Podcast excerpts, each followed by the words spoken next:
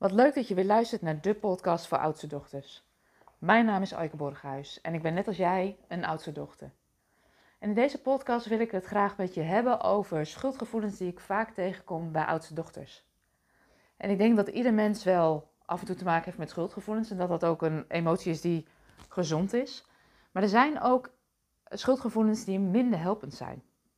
En welke schuldgevoelens heb ik het dan hier nu over? Ik heb het hier over de schuldgevoelens die je kunt hebben over keuzes die je in het verleden hebt gemaakt. En ik neem je even mee in mijn eigen leven. Uh, toen ik net moeder was, toen vond ik het belangrijk om alles goed te blijven doen. Ik vond het belangrijk dat ik financieel onafhankelijk bleef, dus ik vond dat ik fulltime moest blijven werken. Ik vond mijn werk ook belangrijk. Carrière maken vond ik op dat moment ook heel belangrijk. Um, ik wilde daarnaast een leuke moeder zijn. Ik wilde een betrokken partner zijn. Um, ik wilde een leuke dochter zijn en een leuke zus. Um, ik vond het belangrijk dat ik ook vrijwilligerswerk deed. Ik was actief in het vrijwilligersleven. En wat ik in die periode merkte is dat ik het gevoel had dat ik alles half deed.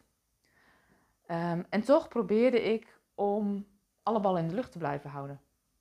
Dat hield ik best een tijd vol, totdat ik in 2008 op een gegeven moment merkte van hé, hey, het begint te knagen ergens voelde ik wel dat de keuzes die ik maakte, dat die niet helemaal klopten.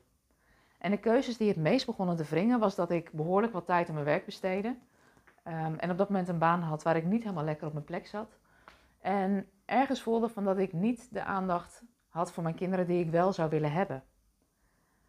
Um, als ik kijk naar de periode dat mijn dochters jong waren, dan ben ik de eerste 16 weken thuis geweest nadat ze geboren werden. Maar eigenlijk vanaf dat moment gingen ze al drie dagen in de week naar de opvang. Um, en nou zeg ik niet dat dat een verkeerde keuze is, want ik denk dat iedere moeder of ouder dat voor zichzelf moet bepalen. Um, maar achteraf gezien had ik misschien wel een andere keuze willen maken. En had ik misschien wel wat meer bij de kinderen willen zijn. Omdat die periode dat ze klein zijn en ze je echt nog nodig hebben, gewoon niet zo, niet zo lang is. Um, ik heb me daar achteraf best wel eens schuldig over gevoeld. Van goh, had ik nou niet meer thuis moeten zijn met meer aandacht? En dat is een soort schuldgevoel waar je eigenlijk niet zoveel aan hebt. Want ik kan de keuzes die ik toen heb gemaakt niet meer veranderen. En wat mij daarin heeft geholpen op een gegeven moment is de quote van Maya Angelou die ik tegenkwam. En die quote van Maya Angelou gaat als volgt. Do the best you can until you know better. And then, when you know better, you do better.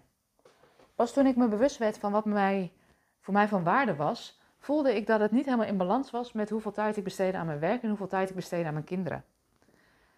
Daar heb ik mijn tijdje best wel schuldig over gevoeld, maar dat heeft niet zoveel zin. Want als ik heel eerlijk naar mezelf kijk, dan heb ik die keuzes op dat moment gemaakt met de kennis en kunde die ik toen had. Toen ik eenmaal bewust werd van hé, hey, ik zou wat meer tijd bij de kinderen willen zijn, ben ik ook andere keuzes gaan maken. Ben ik mijn werktijden wat meer gaan aansluiten op uh, de schooltijden van de kinderen. Op dat moment gingen onze kinderen uh, twee dagen in de week naar de BSO.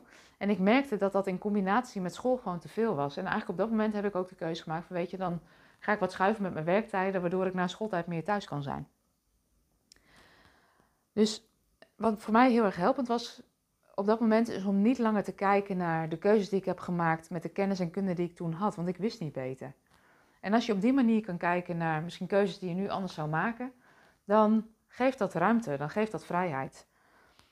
Daarin helpt het ook om te weten wat voor jou belangrijk is. Dus als je beter weet, ehm, ben je dan ook trouw aan de keuzes die je dan maakt. Ik zie het om me heen nog best wel vaak dat, dat uh, vrouwen voelen van... goh, ik zou wel een andere keuze willen maken... maar dat er allerlei belemmeringen zijn weer op de weg om het niet te doen. En wat ik zelf denk van als je weet wat belangrijk voor je is... probeer dan dan ook trouw aan te zijn. Want het voorkomt dat je je achteraf schuldig voelt. Ik denk ook dat je erop mag vertrouwen dat de keuzes die je maakt, dat je die met de beste intenties maakt.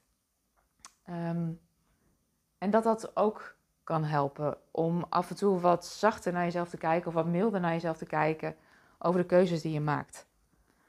Dus wat ik je eigenlijk in deze podcast wilde meegeven is: um, voel je niet te schuldig over de keuzes die je hebt gemaakt omdat je niet beter wist. En neem ook de verantwoordelijkheid om te voelen van hé, hey, als ik wat anders weet of ik weet wat ik voor mij uh, van waarde is of wat belangrijk is, om de keuzes te maken die daarmee in lijn liggen. Dus daarmee wil ik ook deze podcast nog een keer afronden. Do the best you can until you know better. And then when you know better, you do better.